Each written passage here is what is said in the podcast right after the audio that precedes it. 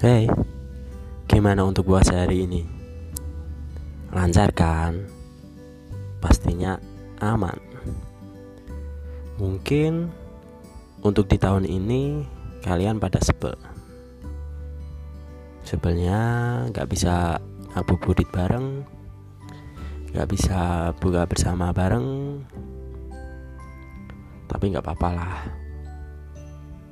stay at home aja buka bersama bareng keluarga.